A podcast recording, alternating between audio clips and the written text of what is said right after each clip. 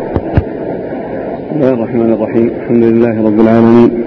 والصلاة والسلام على عبد الله ورسوله نبينا محمد وعلى آله وصحبه أجمعين. أما بعد قال الإمام الحافظ أبو عيسى الترمذي رحمه الله تعالى قال في جامعه في كتاب البر والصلة باب ما جاء في قول المعروف. قال حدثنا علي بن حجر قال حدثنا علي بن مسهر عن عبد الرحمن بن إسحاق عن النعمان بن سعد عن علي رضي الله عنه أنه قال قال النبي صلى الله عليه وعلى آله وسلم إن في الجنة غرفا ترى ظهورها من بطونها وبطونها من ظهورها. فقام أعرابي فقال لمن هي يا رسول الله؟ قال لمن أطاب الكلام وأطعم الطعام وأدام الصيام وصلى لله بالليل والناس نيام. قال أبو عيسى هذا حديث غريب لا نعرفه إلا من حديث عبد الرحمن بن إسحاق.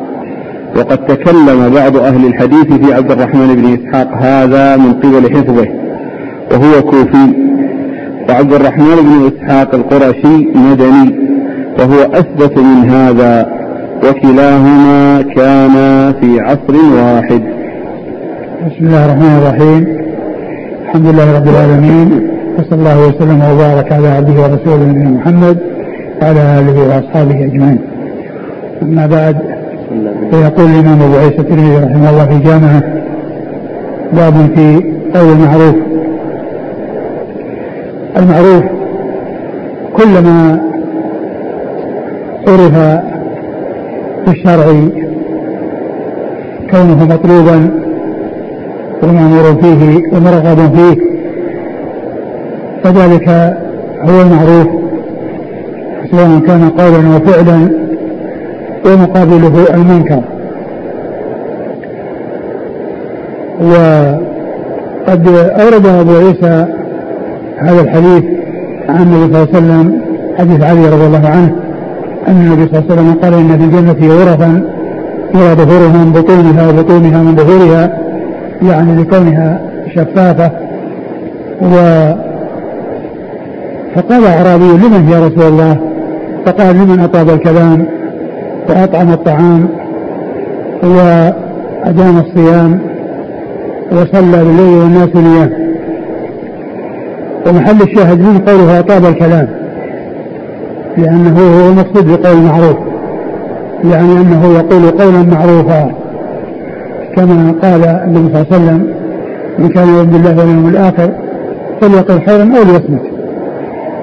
فهذا الذي هو خير مأمور به هذا هو المعروف. هو الاتيان به مطلوب. وإذا لم يكن ذلك حاصلا فلا بد من السكوت وترك الكلام فيما يعود على الإنسان بالمضرة. والحديث فيه بيان صفة هذه الغرف وبيان أهل هذه الغرف وصفات أهل هذه الغرف وهي أن أنها لمن أطاب الكلام يعني كان كلامه طيبا فيكون كلامه في ذكر الله وفي ما هو خير وفي قراءة القرآن والذكر والدعاء والمعروف النهي عن المنكر. وكل ما هو خير ومعروف فإنه هو المقصود بقوله لمن أطاب الكلام. وأطعم الطعام يعني أنه بذل الطعام لمن هو محتاج إليه مع حبه إياه كما قال الله عز وجل يطعم الطعام على حبه مسكينا ويتيما وأسيرا مع محبتهم إياه ورغبتهم فيه فإنهم يبذلونه لغيرهم ممن هو محتاج إليه. وهم باذلون للطعام معطونه لمن يحتاج إليه. وأدام الصيام يعني أنه يكثر من النوافل من نوافل الصيام ومن هذه العبادة التي هي الصيام فيتطوع لله عز وجل وذلك بصيام ما جاءت الشريعة في صيامه مثل ست من شوال ومثل أيام البيض ومثل عرفة والأيام العشر وعرفة وكذلك عاشوراء والاثنين والخميس وغير ذلك. مما ورد فيه عن النبي صلى الله عليه وسلم سنة ثابتة عنه صلى الله عليه وسلم. وصلى بالليل والناس نيام يعني حيث يكون أكثرهم نائما فإنه يصلي ويتهجد ويتقرب إلى الله عز وجل بالصلاة.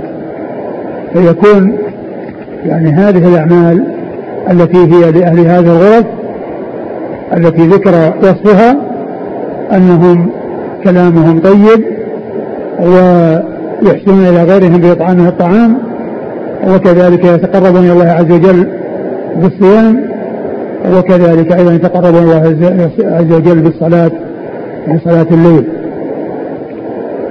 والحديث في إسناده عبد الرحمن بن إسحاق الكوفي وهو ضعيف لكن له شواهد يعني بها يكون ثابتا. قال حدثنا علي بن حجر. علي بن حجر بن إياس السعدي وهو ثقة أخرجه البخاري ومسلم. والترمذي والنسائي. والترمذي والنسائي. عن علي بن مسهر. عن علي بن مسهر وهو ثقة أخرج أصحاب الكتب. ثقة أخرج أصحاب الكتب نعم. عن عبد الرحمن بن إسحاق. عن عبد الرحمن بن إسحاق وهو ضعيف أخرج له. أبو داود والترمذي. نعم.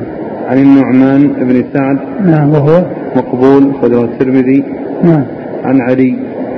علي بن أبي طالب رضي الله عنه أمير المؤمنين ورابع الخلفاء الراشدين الهادين المهديين صاحب المناقب الجمة. والفضائل الكثيرة. رضي الله عنه وأرضاه.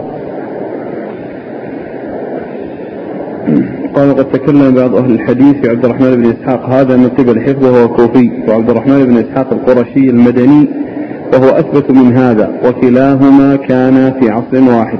يعني هذا لما كان في الإسناد عبد الرحمن بن إسحاق وهو غير يعني آه، مذكورا بما يميزه عن غيره يعني وكان في عصره آخر بهذا الاسم إلا أن الذي في الإسناد كوفي هو الذي أشار إليه المصنف مدني.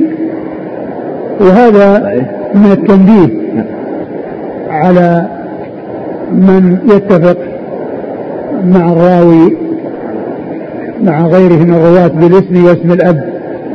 وهذا يسمى المتفق والمفترق في علم المصطلح. وأن تتفق أسماء الرواة وأسماء آبائهم وتختلف أشخاصهم تتفق أسماء الرواة وأسماء آبائهم وتختلف أشخاصهم. هذا يسمى المتفق والمفترق. فبين رحمه الله أن لما جاء ذكر هذا الراوي في الإسناد وهو كوفي ذكر من يتفق معه في الاسم واسم الأب ويختلف عنه في كونه من بلد آخر لأن الذي في الإسناد كوفي والآخر الذي ذكره من أجل اتفاقه معه بالاسم واسم الأب مدني.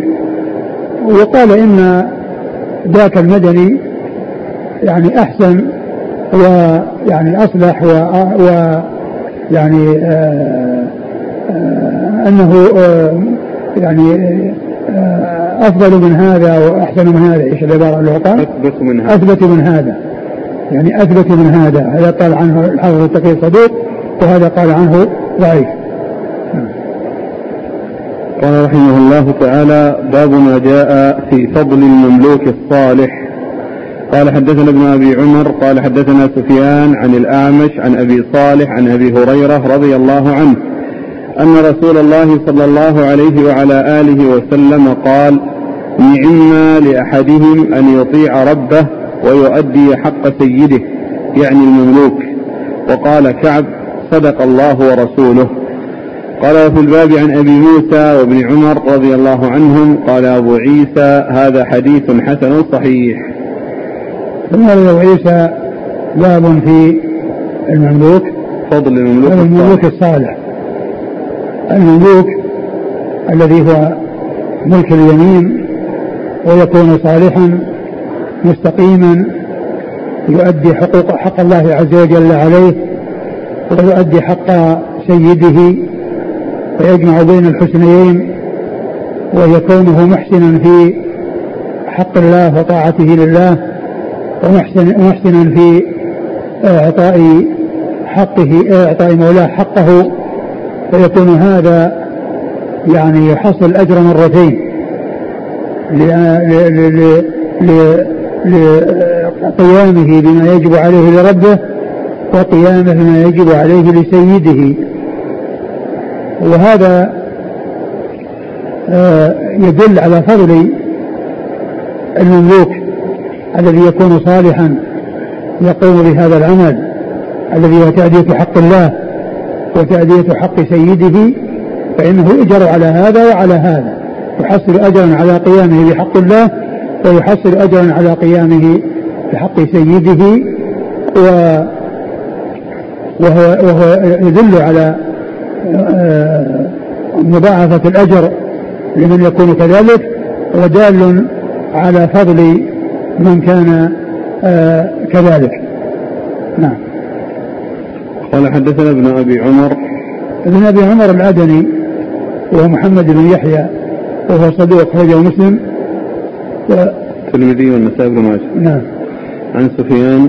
سفيان هو بن عيينة المكي وهو ثقة أخرجه أصحاب الكتب الستة. عن الأعمش. والأعمش سليمان بن مهران الكاهلي الكوفي ثقة أخرجه أصحاب الكتب الستة. عن أبي صالح. وأبو صالح هو ذكوان السمان وهو ثقة أخرجه أصحاب الكتب الستة. عن أبي هريرة.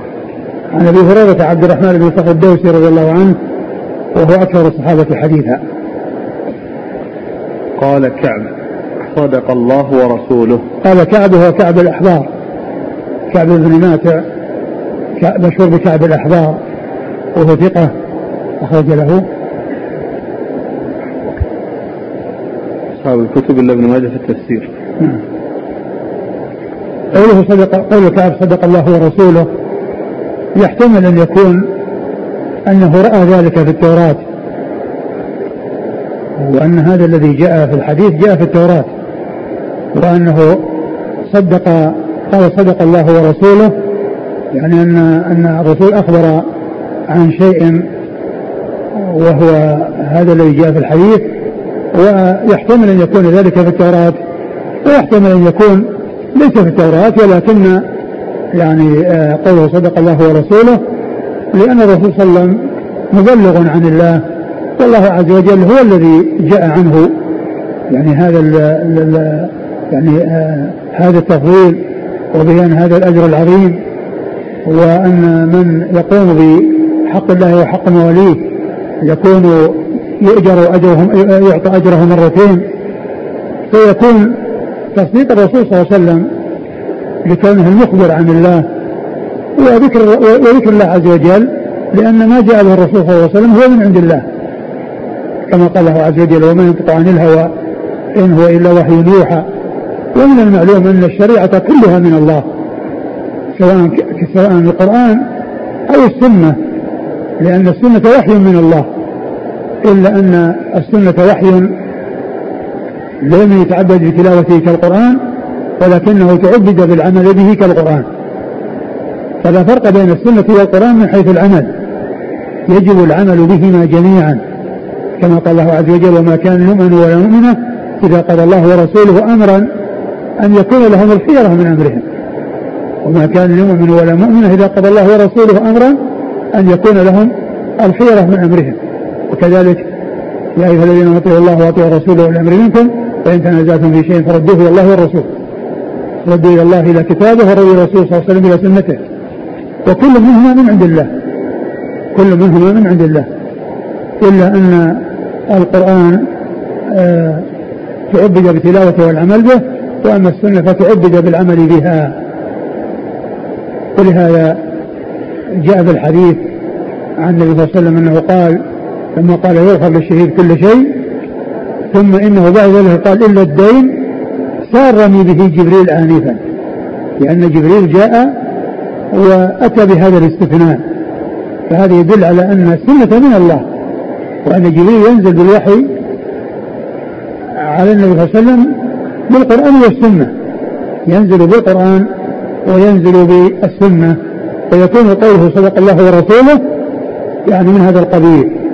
أو أن أو أنه قد رأى في التوراة أن آه، آه، ذلك موجود فيها وهي في الكتاب المنزل يعني أنه رآها في الكتاب المنزل على موسى عليه الصلاة والسلام. نعم. هل في هذا دليل على قول صدق الله ورسوله عند قراءة الأحاديث؟ لا ما في دليل. الله العظيم. ما في دليل على أنه يقال صدق الله العظيم عند كل ما يحصل قراءة ما في دليل. لأن هذا فيه تصديق لشيء يعني قد حصل. تصديق لشيء قد حصل وجاء وأما كونه يتخذ على أنه كل ما قرأ القرآن الرسول صلى الله عليه وسلم كان يقرأ القرآن وأصحابه كانوا يقرأون القرآن وما فيه أنه يقول في آخره صدق الله العظيم. قال وفي الباب عن أبي موسى وابن عمر. أبو موسى الأشعري عبد الله بن قيس. رضي الله تعالى عنه أخرجه أصحاب في الستة. وعبد الله بن عمر بن الخطاب أحد العباد له الأربعة من الصحابة وأحد السبعة المكثرين من حديث رسول الله صلى الله عليه وسلم.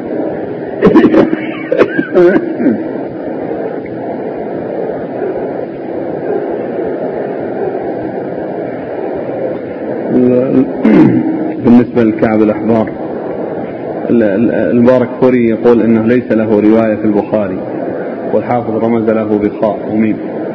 أخي يعني يشكل عليه هذا. الحافظ في التقريب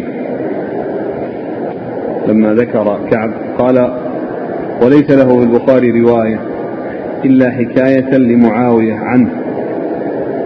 أيوه. وفي مسلم رواية لأبي هريرة فيه من طريق الأعمش عن أبي صالح. هذا هذا من أجل هذا. مع أن مع أنه يعني أحيانا يأتي ذكر الشخص آه، يعني آه، يرمز له في كتاب معين وليس له فيه إلا مجرد الذكر. ليس له فيه إلا مجرد الذكر. يعني فأحيانا يرمز له من أجل ذكره. فيعني آه، قد يكون يعني يرمز لأن له رواية مسندة وقد يكون ذكر لأنه حصل له مجرد الذكر مثل ما قال مثل ما جاء في حديث آه، إذا مرض العبد وسافر كتب له ما كان يعمل فصحيح مقيم. هذا الحديث رواه البخاري. يعني آه، يعني عن بريد بن أبي برده عن أبي برده قال اصطحبت أنا ويزيد بن أبي كبشة في سفر. فكان يزيد يصوم في السفر. فقلت له أفطر. فقد حدث أبو موسى عن النبي صلى الله عليه وسلم قال إذا مرض العبد وسافر كتب له ما كان يعمل صحيح مقيم. المزي رمز ليزيد ابي كبشه بخاء وليس له إلا مجرد هذا الذكر في الإسناد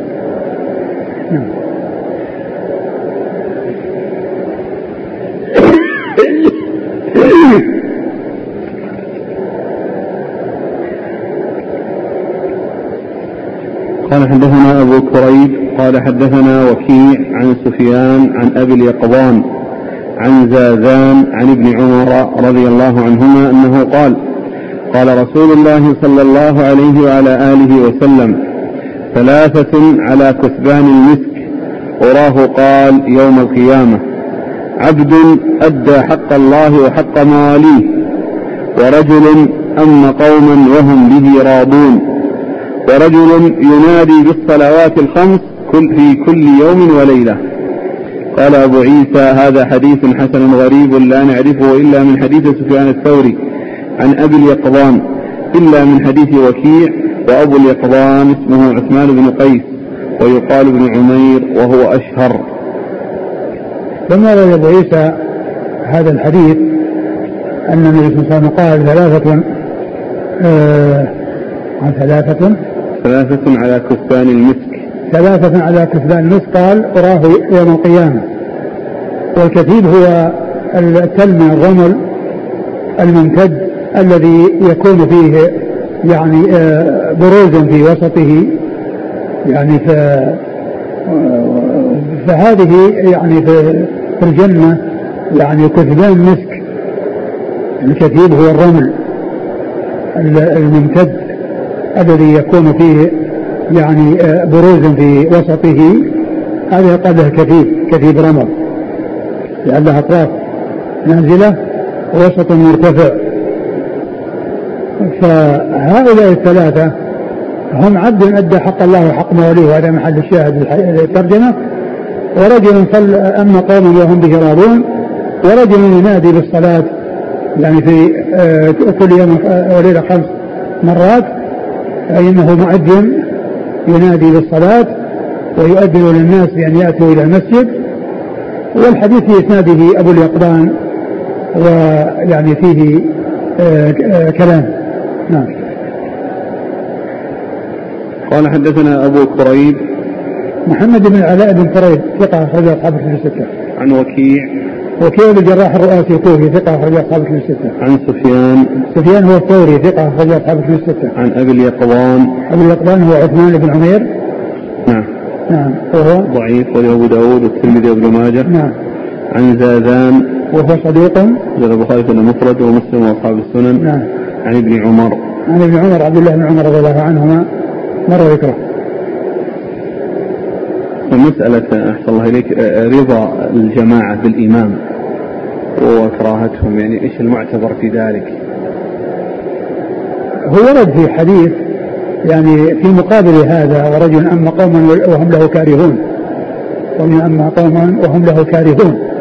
والمقصود إذا كانوا يكرهونه من أجل الدين. أما من أجل الدنيا فيعني فيكون هذا من الكراهية التي يعني في غير محلها وإنما الكراهة من أجل الدين هذه هي التي تؤثر.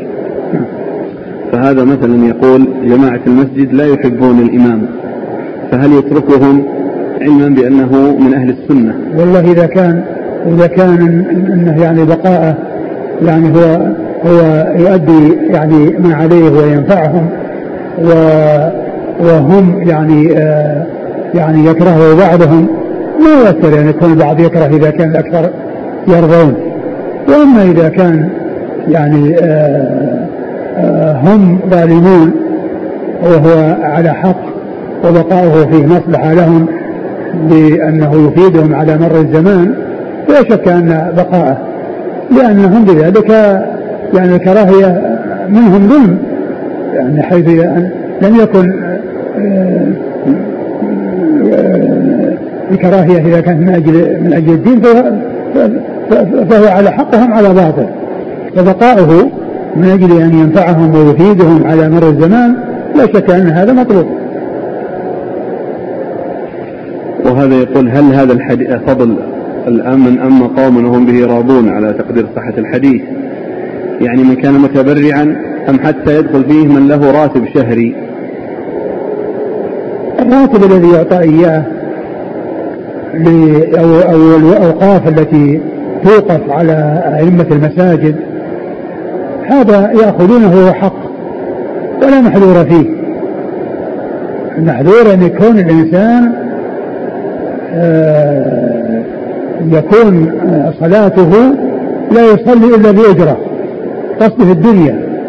وأما إنسان يريد بالصلاة الإمام يكون يحافظ على الصلاة ولا تفوته الصلاة لأنه الإمام وكونه ينفع الناس بنصحه وتوجيهه وتذكيره. فإذا حصل شيئا مع ذلك فإن هذا من الثواب المعجل الذي يحصله في الدنيا قبل الآخرة وإنما المحذور هو كون الإنسان قصده الدنيا ولا يصلي إلا من أجل الدنيا. كما جاء الإمام أحمد أنه سئل عن رجل يقول أصلي بكم رمضان بكذا وكذا درهم. بيع وشراء. فقال أسأل الله العافية ومن يصلي خلف هذا؟ أسأل الله العافية ومن يصلي خلف هذا؟ نعم. بعد هذا عبارة الترمذي كأن فيها خلل. يقول قال أبو عيسى هذا حديث حسن غريب. لا نعرفه إلا من حديث سفيان الثوري. عن أبي اليقظان إلا من حديث وكيع. استثناء لا, لا نعرفه. إلا من لا نعرفه. لا نعرفه. إلا من حديث سفيان الثوري عن أبي اليقظان إلا من حديث وكيع. كأن إلا الأولى زائدة. لكن شوف النسخ الأخرى شوف النسخة الأخرى ما فيه الأخيرة. إلا من حديث وكيع هذه ما فيها. الأخيرة؟ لا نعرفه إلا من حديث سفيان الثوري عن أبي اليقظان. هي ماشي مستقيم. يعني إلا من حديث وكيع عن أبي اليقظان نعم. لا زايدة ذي لا يعني إلا الثانية زايدة وما وراءها. نعم إلا من حديث وكيع. كل هذه الجملة ما هي موجودة؟ وجدت ما وجدتها. موجودتين في النسخ اللي جنبي. النسخة الثانية؟ إيه. يمكن يمكن اختلاف النسخ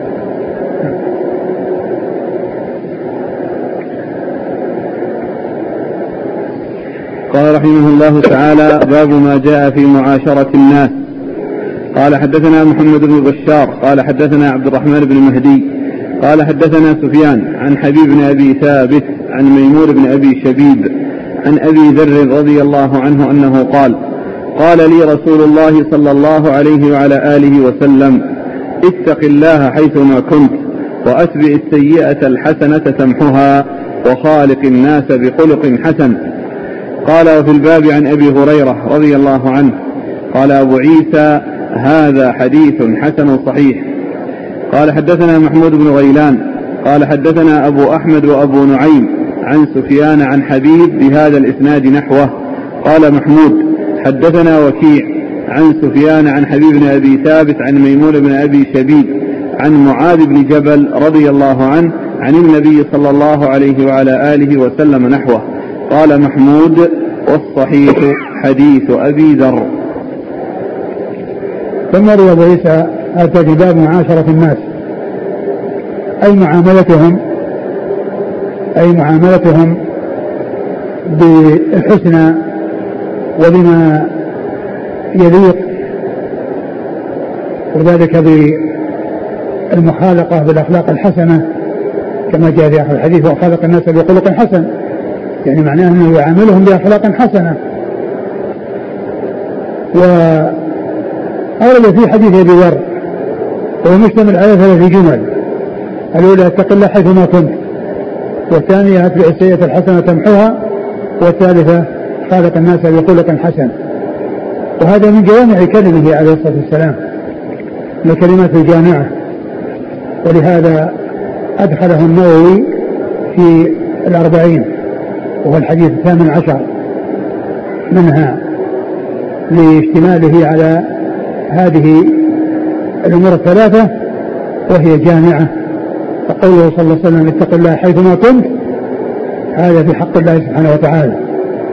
وتقوى الله عز وجل هي أن يجعل الإنسان بينه وبين غضب الله وقاية تقي منه وذلك بفعل الطاعات وترك المعاصي. لأن هذا هو معنى المعنى الشرعي في التقوى أن يجعل الإنسان بينه وبين غضب الله وقاية تقي منه وذلك بفعل الطاعات وترك المعاصي. والتقوى في اللغة أن يجعل الإنسان بينه وبين الشيء الذي يخافه وقاية تقي منه فالمعنى اللغوي عام والمعنى الشرعي خاص. المعنى اللغوي أن يجعل الإنسان بينه وبين الشيء الذي يخافه وقاية تقي منه فيدخل في ذلك الشرعي المعنى الشرعي. ويدخل في ذلك كل ما يخشى ويخاف. مثل كون الإنسان آه، يتخذ وقاية من آه، مما يكون في الأرض من آه، الزجاج والحديد والأحجار وغير ذلك من الأشياء الضارة أو الرمضة أو غير ذلك بالنعال والخفاف وكذلك يتخذ البيوت يتقي حرف الشمس وخيام كذلك وهكذا. فالمعنى اللغوي عام والمعنى الشرعي خاص المعنى اللغوي أن تجعل بينك وبين الذي تخافه وقاية. والمعنى الشرعي أن تجعل بينك وبين غضب الله وقاية. أن تجعل بينك وبين غضب الله وقاية. ثم قال حيثما كنت.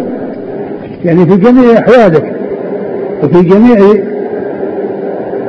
شؤونك. حيث تكون ظاهرا للناس وحيث تكون مختفيا عن الناس. فلا يكون شأنك أنك إذا ظهرت للناس أظهرت التقوى وإذا اختفيت كنت بخلاف ذلك فالإنسان عليه أن يتقي الله حيثما كان في سره وعلانيته في آه، آه، ظهوره واختفائه في جميع أحواله وفي جميع أموره يكون متقيا لله عز وجل. ثم يأتي السيئة الحسنة تمحوها الإنسان إذا حصلت منه السيئة فإن كانت كبيرة فلا بد من التوبة منها. ولا تمحوها الحسنات التي يفعلها مع كونه ما تاب من من الكبيرة. وأما المعاصي الصغيرة فإنها تكفر بالأعمال الصالحة وتكفر باجتناب الكبائر كما جاء ذلك في كتاب الله عز وجل وسنة رسوله صلى الله عليه وسلم. أما الكبائر فإنه لا بد من التوبة منها. التوبة منها يتوب منها فتكفرها التوبة. وأما فعل الطاعة فإنه لا يكفر الكبيرة بل الكبيرة لا بد فيها من توبة أو يقام الحد في الدنيا إذا كانت ذات حد فإن فإن الحدود كفارات كما جاء ذلك في الحديث عن رسول الله صلى الله عليه وسلم. ثم قال وخالق الناس بخلق حسن وهذا محل الشاهد. للترجمة وهو معاشرة الناس. أي أنهم أنه يعاملهم معاملة طيبة. يعني يحسن إليهم ويلقاهم بما يحب أن يلقوه به. يعامل الناس مثل ما يحب أن يعاملوه به. كما قال عليه الصلاة والسلام لا يؤمن أحدكم حتى يحب لأخيه ما يحب لنفسه. وقال عليه الصلاة والسلام فمن أحب أن يزحزح عن النار ويدخل الجنة فلتأتيه منيته وهو يؤمن بالله واليوم الآخر وليأتي إلى الناس الذي يحب أن يؤتى إليه. وليأتي إلى الناس الذي يحب أن يؤتى إليه. يعني يعامل الناس بمثل ما يحب أن يعامله به. لا يكون شأنه أنه إذا كان الحق له يريده كاملا وإذا كان عليه يؤديه ناقصا فقد ذم الله المطففين. الذين يكونوا كذلك فقال ويل للمطففين الذين إذا اكتالوا على الناس يستوفون وإذا كالوهم أو وزنهم يخسرون ومن ومن ما يشبه التطفيف في المكاييل والموازين بخس الموظفين آه، أعمالهم والتقصير فيها ويعني عدم القيام بالواجب أو كونه يعني يتأخر ويكون يعني وقت الدوام يعني لا يكون حاضرا كله وبعضه ثم يريد أن يأخذ الأجر كاملا ولو نقص منه شيء لم يعجبه مع أنه يعجبه أن يتخلف عن العمل. فإن هذا من من جنس ما ذكر الله عز وجل في قوله ويل للمطففين الذين إذا على الناس يستوفون وإذا كالوهم أجرهم يخسرون فهم يأخذون أجورهم كاملة ولا يحبون أن ينقص منها شيء مع أنهم ينقصون الزمان الذي يستحقون الأجر في مقابله حيث يعملون يعني في آه، فيه. وقد جاء عن بعض العلماء أنه نصح واليا من الولاة وهو المعمر بن علي البغدادي ذكره الحافظ بن رجب في كتابه ذيل طبقات الحنابلة في ترجمته. قال في نصيحته لزعيم كبير من الزعماء نصحه فقال قلنا من لم يكن في ولاية فإنه مخير بالوافد والقاصد إن شاء وصل وإن شاء فصل إن شاء فتح بابه وإن شاء أغلق بابه. ما هو ملزم بأن يفتح بابه؟ لكن من يكون في عمل ومن يكون مسؤولا في شيء من أمور الناس فليس كذلك بل عليه أن يبذل نفسه في الوقت الذي يكون ملزما به بأن يد العمل في ذلك الوقت. قال وأما من كان على خليقة أمير فهو في الحقيقة أجير قد باع زمنه وأخذ ثمنه فليس له أن يتصرف في نهاره فليس له فليس له آه، آه، فليس له أن يتصرف فليس له في نهاره أن يتصرف فيه باختياره. يعني إن شاء آه، يحضر إن شاء ما يحضر لأنه أخذ شيء مقابل لأنه باع الزمن. زمنه ليس في ملكه هو ملك لغيره. فليس له في نهاره ما يتصرف باختياره وليس له أن يصلي نافلا ولا أن يدخل معتكفا. الاعتكاف تطوع والقيام بحقوق الناس وببذل ما يجب للناس هذا أمر واجب. فلا يتشاغل بالمندوب عن الفرض ويتشاغل بالمستحب عن الواجب. وذكر الحافظ ابن حجر في فتح الباري عن بعض العلماء أنه قال من اشتغل أو من شغله الفرض عن النفل فهو معذور ومن شغله النفل عن الفرض فهو مغرور ومن شغله النفل عن الفرض فهو مغرور. ومن شغله الفرض عن النفل فهو معذور قال حدثنا محمد بن بشار محمد بن بشار ملقب بن دار ثقة أخرج أصحاب في الستة وهو شيخ لأصحاب في الستة. عن عبد الرحمن بن مهدي وهو ثقة أخرج أصحاب في الستة. عن سفيان سفيان والثوري ثقة أخرج أصحاب في الستة. عن حبيب بن أبي ثابت وهو ثقة أخرج أصحاب في الستة. عن ميمون بن أبي شبيب وهو صدوق خرج البخاري في المفرد ومسلم في المقدمة وأصحاب السنن. نعم. عن أبي ذر عن أبي ذر وهو جد بن جنادة رضي الله عنه وحديثه أخرج أصحاب الكتب الستة. قال وفي الباب عن أبي هريرة أبو هريرة مر ذكره. قال حدثنا محمود بن غيلان محمود بن غيلان ثقة أخرج أصحاب الكتب الستة إلا أبا داود. عن أبي أحمد أبي أحمد الزبيري محمد بن عبد الله هو ثقة أخرج أصحاب الكتب الستة. وأبو نعيم وأبو نعيم الفضل بن دكين ثقة أخرج أصحاب الكتب الستة. عن سفيان عن حبيب بهذا الإسناد نحوه قال محمود حدثنا وكيع عن سفيان عن حبيب بن أبي ثابت عن ميمون بن أبي شبيب عن معاذ بن جبل يعني أنه يعني في صحابي آخر يعني بهذا الإسناد أنه جاء عن صحابي آخر وهو معاذ بن جبل رضي الله عنه ولهذا النووي ذكر في في في الأربعين عن أبي ذر ومعاذ رضي الله عنهم. نعم. قال محمود والصحيح حديث أبي ذر. نعم. يقول السائل هل الحدود تكفر الذنب حتى لو لم يتب الشخص؟ اي نعم. يكفر ولو لم يتب لأن الحدود كفارات. ولو لم يحصل منها توبة. لأنه لقي عقوبته في الدنيا. حصل ذنب وعوقب عليه. والحدود هي جوابر وزواجر عند أهل السنة. هي جوابر وزواجر.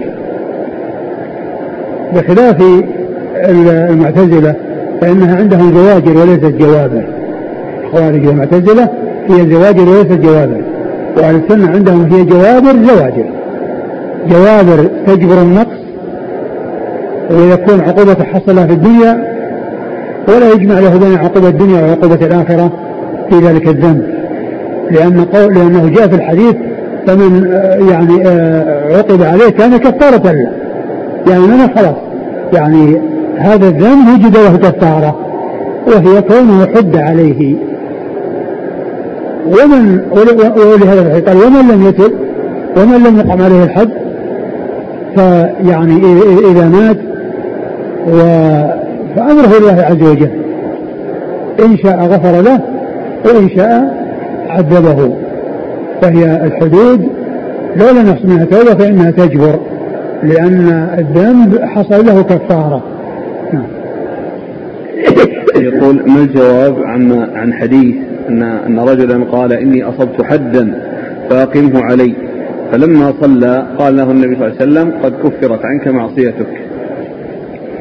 آه يعني هذا آه آه الحد ما ذكر ولم يعرف.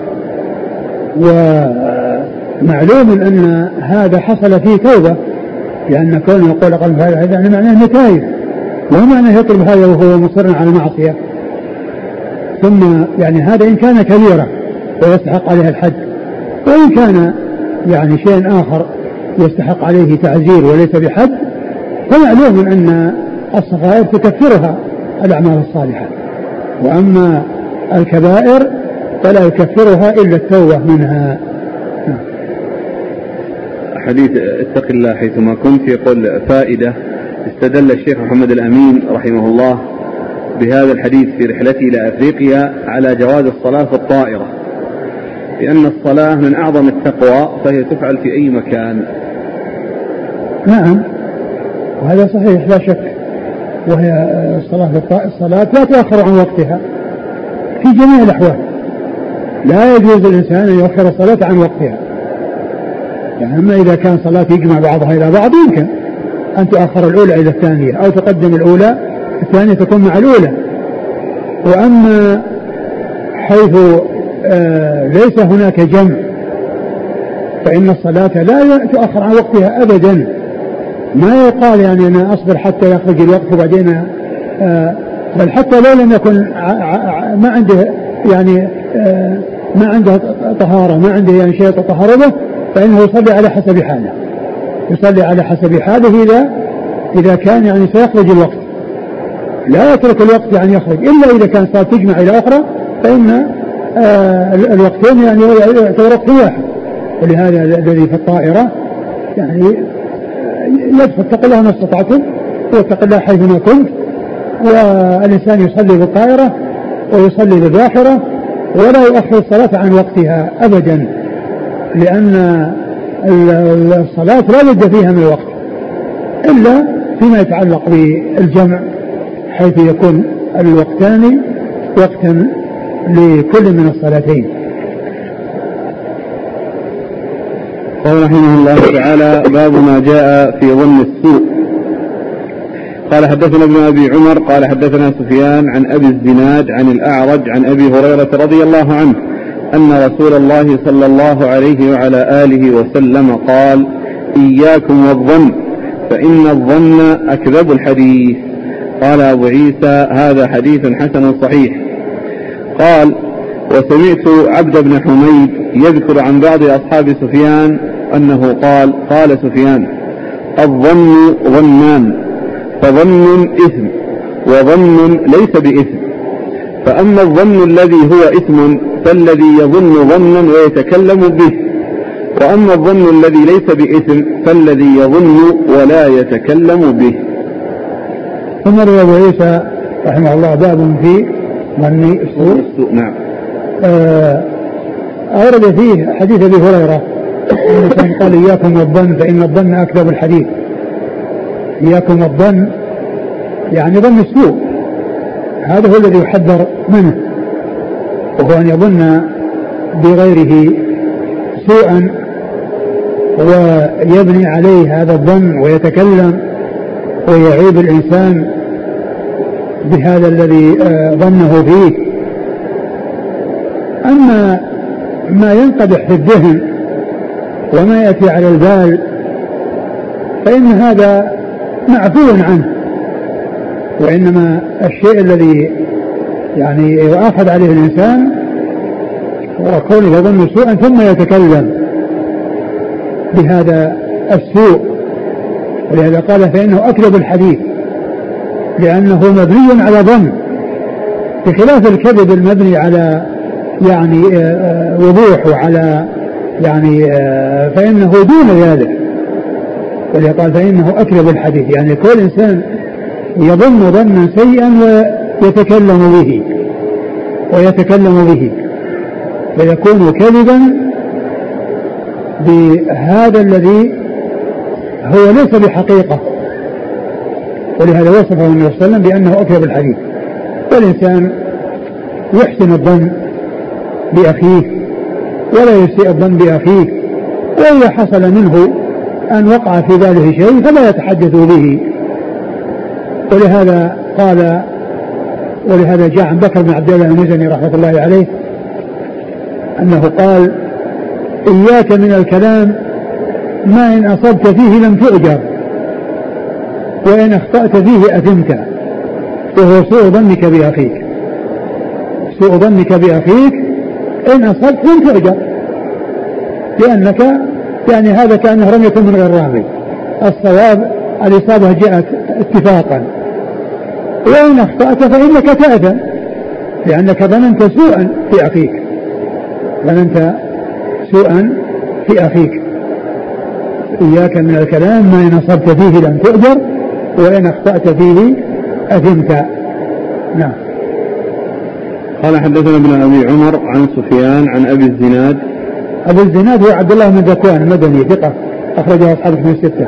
عن الأعرج. والأعرج هو عبد الرحمن بن هرمز المدني ثقة أخرجه أصحاب من الستة. عن أبي هريرة وقد مر ذكره. قال وسمعت عبد بن حميد. عبد بن حميد هو صدوق. صدوق ثقة أخرجه البخاري البخاري تعليقا ومسلم والترمذي. نعم.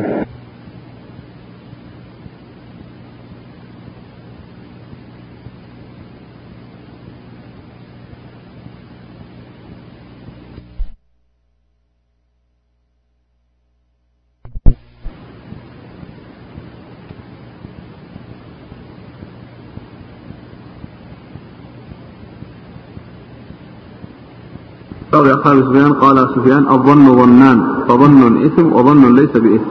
نعم الذي حصل فيه الكلام لأن مثل ما جاء في الحديث وتجاوز لأمتي ما حدث لأنفسها ما لم تتكلم وتعمل.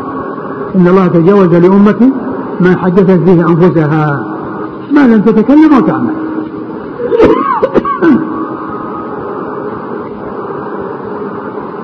يقول لو ظن أحد الناس ظن السوء واستقر هذا الظن في قلبه لكن لم يتكلم به فهل عليه إثم؟ إذا كان ما تكلم به ولم يعني آه، يعني آه، يترتب عليه يعني آه، عداوة أو يترتب عليه يعني مضرة لأن كل إنسان يعالج الشيء وينميه في ذهنه ويشغل باله فيه يعني هذا فيه فيه طلب وفيه يعني متابعة أما شيء يعني ينقدح في ذهن الإنسان هذا معذور فيه يقول الأخ هل مقصود سفيان في التفصيل في ظن السوء فقط لقوله تعالى إن بعض الظن إثم هو إيش السؤال؟ هل هل المقصود؟ هل المقصود سفيان التفصيل في ظن السوء فقط نعم. ظن السوء نعم. يقول ما هو الظن الراجح والظن المرجوح. الظن الراجح والظن المرجوح يعني الذي آه يعني آه يكون يعني يغلب على على ظن الإنسان أنه كذا فهذا راجح وما يقابله مرجوح.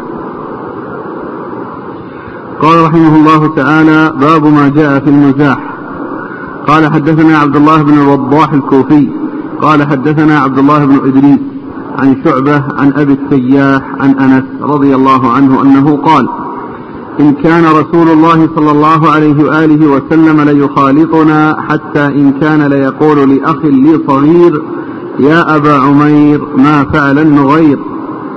قال حدثنا هناد قال حدثنا وكيع عن شعبة عن أبي السياح عن أنس نحوه. وأبو التياح اسمه يزيد بن حميد الضبعي. قال أبو عيسى هذا حديث حسن صحيح. ثم روي أبو عيسى هكذا باب في المزاح.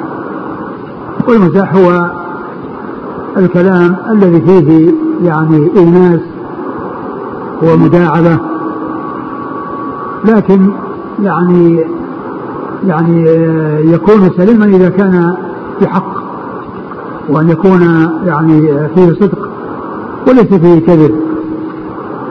وليس فيه كذب. هذا هو ولهذا الرسول صلى الله عليه وسلم كان يماجع أصحابه ولا يقول إلا صدقا. يعني كلامه حيث يمزح يكون صدقا. فكذلك المزح الذي يكون كذلك ولا يترتب عليه يعني إساءة ولا يترتب عليه ضرر فإن ذلك سائغ. لكن لا يكون شأن الإنسان دائما وأبدا بحيث يكثر المزاح ويكون يعني وقته لأن هذا يكسر القلب. ويشغل الإنسان عن الذكر وعن الطاعة. وإما إذا حصل في بعض الأحيان فهو سائغ وقد جاء عن النبي صلى الله عليه وسلم وعن أصحابه وعن سلف هذه الأمة لكنه بدون إفراط وبدون آه، آه، استرسال وبدون اتخاذه يعني آه، ديدنا للإنسان. وقد أورد أبو عيسى حديث أنس رضي الله عنه قال إن كان النبي صلى الله عليه وسلم يخالطنا يعني مقصود أهل بيته. وإن كان وإيش؟ وإن إن كان حتى إن كان لا يقول لأخ حتى إن كان حتى أنه يعني آه يعني آه يخالط الصغار ويداعبهم. ويعني يقول الكلام الذي آه يؤنس للصغير. يعني أن هذه المخالطة والمؤانسة حصلت للجميع حتى الصغار. يعني قال حتى يعني حتى أنه كان له أخ يعني من أمه وهو ابن لأبي طلحة ويكن أبي بأبي عمير وكان له طائر يعني يلعب به ويستأنس به ثم إنه مات ذلك الطائر فحزن عليه. فالرسول صلى الله عليه وسلم حزن عليه ذلك الطفل. فالنبي صلى الله عليه وسلم قال يا أبا عمير ما فعل النغير يعني آه يعني آه يعني ما شأنه وما حاله. ف ف فهذا فيه مؤانسة. منه للصغار؟ كما أنه يؤانس الكبار. صلوات الله وسلامه وبركاته عليه. وقد ذكر عن بعض أهل العلم أنه قال أن بعض الناس قال أن المحدثين يأتون بأشياء لا فائدة من ورائها مثل هذا الحديث ويمثل بهذا الحديث يقول يا أبا عمر ما فعل إيش إيش الفائدة من وراء هذا الكلام؟ ثم إنه ذكر عن بعض العلماء أنه استخرج منه يعني ستين يعني فائدة. وذكر الحافظ بن حجر يعني أشار لهذا الحافظ بن حجر في الفتح وأتى بزيادات على على ذلك. يعني فهذه القصة التي قال عنها بعض المتكلفين أن بعض المحدثين يعني يحدثون بأشياء ما من ورائها فائدة ويمثل بهذا قال فيها فوائد وذكر فوائد كثيرة. منها المعانسة والمعاشرة والتكنية وتكنية الصغير وإن لم تكن الكنية يعني ب يعني بولد وأنه قد يكن الصغير وليست الكنية يعني تكون بالولد بل يكنى وهو صغير وذكر يعني فوائد كثيرة يعني. وأنا أشرت إلى ذلك في الرسالة التي هي بعنوان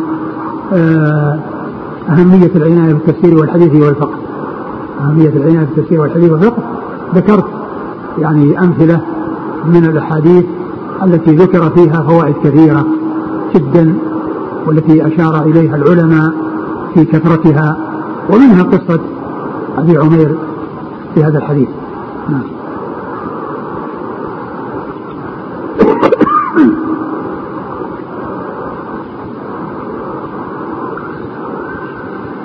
قال حدثنا عبد الله بن الوضاح الكوفي. هو؟ مقبول أخرجه الترمذي. عن عبد الله بن إدريس. إدريس الأودي ثقة أخرج أصحابه في الستة. عن شعبة. شعبة الحجاج الواسطي هو ثقة أخرج أصحابه في الستة. عن أبي التياح. أبي التياح هو يزيد بن حبيب بن حبيب ثقة أخرج أصحابه في الستة. عن أنس. عن أنس رضي الله عنه خادم رسول الله صلى الله عليه وسلم وأحد السبع المكثرين من حديثه عليه الصلاة والسلام. قال حدثنا هناد. هناد بن السري ثقة أخرج أصحاب أخرجه البخاري في خلق أفعال العباد ومسلم وأصحاب السنة. عن وكيع عن شعبة عن أبي التياح عن أنس. نعم. قال حدثنا عباس بن محمد الدوري البغدادي قال حدثنا علي بن الحسن قال أخبرنا عبد الله بن المبارك عن أسامة بن زيد عن سعيد المقبوري عن أبي هريرة رضي الله عنه أنه قال قالوا يا رسول الله إنك تداعبنا قال إني لا أقول إلا حقا قال أبو عيسى هذا حديث حسن صحيح. ثم ورد أبو عيسى حديث أبي هريرة أنهم قالوا للنبي إنك تداعبنا. ومن المعلوم أن المداعبة يعني أحيانا تكون يعني بتعريض أو يعني بشيء يعني قد يخفى يعني على الشخص المتكلم معه. قال إني لا أقول إلا حقا يعني مع مداعبته لهم فإنه كل ما يقوله في مداعبته فهو حق. لا يكون يعني شيء منه بخلاف ذلك بخلاف أصحاب المداعبات فإنهم قد يقولون غير حق. قد يقولون أو كثيرا ما يقولون يعني الشيء الذي ليس بحق. وأما الرسول صلى الله عليه وسلم فهو مع مداعبته لأصحابه لا يقول إلا حقا. ويبين ذلك يعني بعض الأحاديث التي يعني ذكرها المصنف. نعم. قال حدثنا عباس بن محمد الدوري. هو ثقة أخرج أصحاب السنن. عن علي بن الحسن. وهو ابن شقيق. وهو؟ ثقة أخرج أصحاب الكتب. نعم. عن عبد الله بن المبارك. وهو ثقة أخرج أصحاب الكتب الستة. عن أسامة بن زيد. وهو الليثي. وهو؟ صدوق يهم. أخرج البخاري تعليقا ومسلم وأصحاب السنن. نعم. عن سعيد المقبري.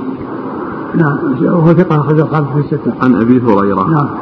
قال حدثنا قتيبة قال حدثنا خالد بن عبد الله الواسطي عن حميد عن أنس بن مالك رضي الله عنه أن رجلا استحمل رسول الله صلى الله عليه وعلى آله وسلم فقال إني حاملك على ولد الناقة. فقال يا رسول الله ما أصنع بولد الناقة؟ فقال رسول الله صلى الله عليه وعلى آله وسلم وهل تلد الإبل إلا النوق؟ قال أبو عيسى هذا حديث حسن صحيح غريب. وهذا المثال من أمثلة ما تقدم في الحديث السابق يداعبهم ولا يقولون إلا حقا فهذه في مداعبة والذي قاله صلى الله عليه وسلم حق. والذي قاله صلى الله عليه وسلم حق. وإن كان يعني فهم السامع يعني لم يعني يكن آه، آه، مطابقا أو موافقا للشيء الذي أراده الرسول صلى الله عليه وسلم. فكان يعني جاءه رجل وقال يسأله الحملان يعني أنه يعني يحمله على بعير. فقال يعني إذا إذا إذا إذا جاءنا. استحمله فقال إني حاملك على ولد الناقة. فقال إني حاملك على ولد الناقة. هو فهم ولد الناقة أنها الصغير كلمة ولد لما جاءت ولد فهم فيها الصغير فالرسول قال يعني كل كل الإبل هي من أولاد الناقة الكبير والصغير الكبير والصغير نعم قال حدثنا قتيبة قتيبة ثقة أخرج أصحاب الكتب الستة. عن خالد بن عبد الله الواسطي. وهو ثقة أخرج أصحاب الكتب الستة. عن حميد عن أنس. حميد بن أبي حميد الطويل وهو ثقة أخرج أصحاب الكتب الستة وأنس رضي الله عنه مر ذكره وهذه من الرباعيات التي هي من أعلى ما يكون عند الترمذي. قال حدثنا محمود بن غيلان قال حدثنا أبو أسامة عن شريك عن عاصم الأحول عن أنس بن مالك رضي الله عنه أن النبي صلى الله عليه وعلى آله وسلم قال له يا ذا الأذنين. قال محمود عن أنس بن مالك أن النبي صلى الله عليه وآله وسلم قال له يا ذا الأذنين. قال محمود قال أبو أسامة يعني مازحه وهذا الحديث حديث صحيح غريب. ثم روي أبو عيسى حديث أنس بن مالك رضي الله عنه أن النبي صلى الله عليه وسلم قال له يد الأذنين. وقد يعني فهم من هذا أنه هذا على سبيل الموازعة. وكل إنسان له أذنين له أذنان. فقال ذلك على سبيل الممازحة له.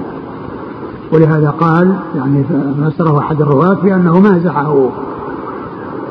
وبعض أهل العلم قال إن أنه يد الأذنين يعني معناه يريد منها أن يوصي لسمعه لأن السمع يكون بالأذنين ولكن أن يكون يراد به الممازحة وكل إنسان له أذنان وقد قال ذلك له وإن كان هذا ليس خاصا به ولكنه أطلقه عليه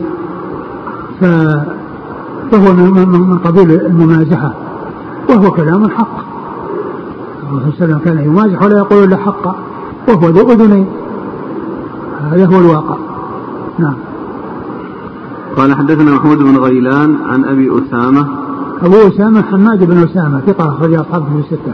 عن شريك. شريك بن عبد الله النخعي الكوفي وهو صدوق آه، اختلط ولي القضاء وحديث أخرجه البخاري تعليقا ومسلم وأصحاب السنة. عن عاصم الأحول. عاصم الأحول هو ثقة أخرج له. أصحاب الكتب. نعم. عن أنس بن مالك أنس بن مالك رضي الله عنه وقد تقدم والحديث أن له شاهد في شريك ولكن له وجد ما يعني يعضده نعم انتهى الباب نقرأ في الباب باب ما جاء في المراء والله تعالى أعلم وصلى الله وسلم وبارك على عبده ورسوله نبينا محمد وعلى آله وصحبه أجمعين. جزاكم الله خيرا وبارك الله فيكم ونفعنا الله بما سمعنا وغفر الله لنا ولكم وللمسلمين أجمعين. آمين. هذا نادرة. من فتح الباري آه في كتاب الأدب الكنية للصبي وقبل أن يولد للرجل وأورد حديث أبا عمير. قال حافظ بن حجر رحمه الله ومن النوادر التي تتعلق بقصة أبي عمير ما أخرجه الحاكم في علوم الحديث عن أبي حاتم الرازي أنه قال حفظ الله أخانا صالح بن محمد يعني الحافظ الملقب جزرة فإنه لا يزال يبسطنا غائبا وحاضرا. لا يزال؟ لا يزال يبسطنا غائبا وحاضرا. كتب إلي أنه لما مات الزهلي يعني بنيسابور أجلسوا شيخا لهم محمش فأملى عليهم حديث أنس هذا فقال يا أبا عمير ما فعل البعير. قال بفتح عين عمير بوزن عظيم. وقال موحدة مفتوحة بدل النون وأهمل العين بوزن الأول فصحف الاسمين معا. قلت ومحمش هذا لقب؟ واسمه محمد بن يزيد بن عبد الله النيسابوري السلمي. ذكره ابن حبان في الثقات. نعم هذا الإنسان الذي ما يكون معرفة على معرفة بضبط الأسماء. والألقاب ينطق بها كما اتفق. فيخطئ لكن إذا كان الإنسان على علم بالضبط ضبط الكلمات وضبط الأسماء فإن هذا يعني ينطق بها على الصواب. ولهذا يعني في المشتبه يعني يذكرون يعني فيه يعني أشياء كثيرة من هذا القبيل من ضبط الأسماء. وكثيرا ما يحصل التصحيف. يعني يحصل التصحيف بسبب أن يكون اسم غريب ثم يكون على وزنه اسم آه اسم آه يعني آه واضح يعني كالجادة كما يقولون. لأنهم الحافظ بن حجر عندما يعني في كتابه تفسير المنتبه في تحرير المشتبه إذا ذكر يعني أتى بكلمات متشابهة يعني من ناحية النقط ومن ناحية الشكل. يعني قال كذا يعني ثم يقول على الجادة يعني الأصل. مثل نابت وثابت. لأن ثابت شيء واضح ثابت كبير اسمه لكن نابت هذا نادر. نادر يعني اسمه واحد اسمه نابت. لكن اسمه ثابت يقول على الجادة. ومثل أحمد وأجمد. أحمد هذا على الجادة. الجادة أحمد وأجمد هذا خلاف الجادة نادر. واحد اسمه أجمد الجيم كذلك أبو إياس وأبو أناس. أبو إياس وأبو أناس.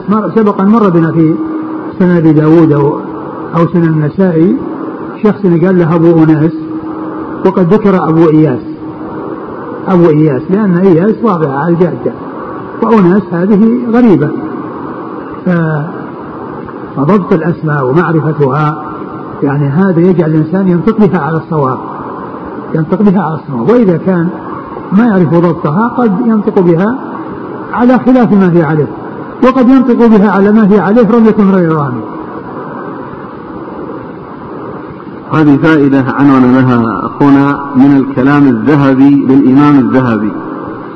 في سير علام النبلاء في ترجمة يحيى بن حماد الإمام الحافظ المتوفى سنة 215 قال محمد بن النعمان بن عبد السلام لم أرى أعبد من يحيى بن حماد وأظنه لم يضحك. قال الذهبي معقبا الضحك اليسير والتبسم أفضل وعدم ذلك من مشايخ العلم على قسمين.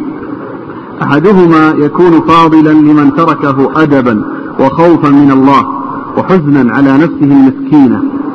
والثاني مذموم مذموم لمن فعله حمقا وكبرا وتصنعا. كما أن من أكثر الضحك استخف به. ولا ريب أن الضحك في الشباب أخف منه وأعذر في الشيوخ. وأما التبسم وطلاقة الوجه فأرفع من ذلك كله. قال صلى الله عليه وآله وسلم تبسمك في وجه أخيك صدقة. وقال جرير ما رآني رسول الله صلى الله عليه وآله وسلم إلا تبسم. فهذا هو خلق الإسلام. فأعلى المقامات من كان بكاء بالليل بساما بالنهار. بقي هنا شيء ينبغي لمن كان ضحوكا بساما أن يقصر من ذلك ويلوم نفسه حتى لا تمجه الأنفس. وينبغي لمن كان عبوسا منقبضا أن يبتسم ويحسن خلقه ويمقت نفسه على ردائف خلقه. وكل انحراف عن الاعتدال فمذموم ولا بد للنفس من مجاهدة وتأديب. نعم كل انحراف عن الاعتدال والتوسط فهو مذموم. ولهذا يقول آه، أبو سليمان الخطابي ولا تغلو في شيء من الأمر واقتصد كلا طرفي قصد الأمور يمين كلا طرفي قصد الأمور يمين يعني الطرفان اللذان بينهما القصد والوسط مذمومان. الإفراط والتفريط الغلو والجفاء كلهم مذموم. والاعتدال والتوسط في الأمور هو المطلوب. آه، هنا فائدة تتعلق بدرس آه، سابق. باب ما جاء في اللعنة. حديث سمرة بن جندب قال صلى الله عليه وسلم لا تلاعنوا بلعنة الله ولا بغضبه ولا بالنار. في الإسناد حدثنا عبد الرحمن بن مهدي عن هشام عن قتادة. يقول الأخ أنه راجع المعجم الكبير للطبراني المجلد السابع صفحة 207 والدعاء كذلك للطبراني 574 وجده مصرحا به عن هشام الدستوائي. النبي هشام بن حسان؟ نعم. هشام الدستوائي هشام الدستوائي عن قتادة عن الحسن. جزاه الله خير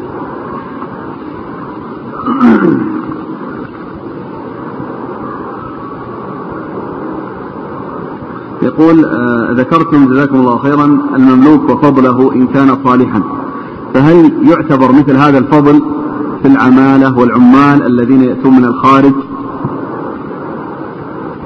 آه هو لا شك يعني كون الإنسان حتى ولو لم يكن مملوكا كونه يؤدي الذي عليه ويؤدي الذي لله يعني لا شك أنه يؤجر الإنسان على هذا وعلى هذا.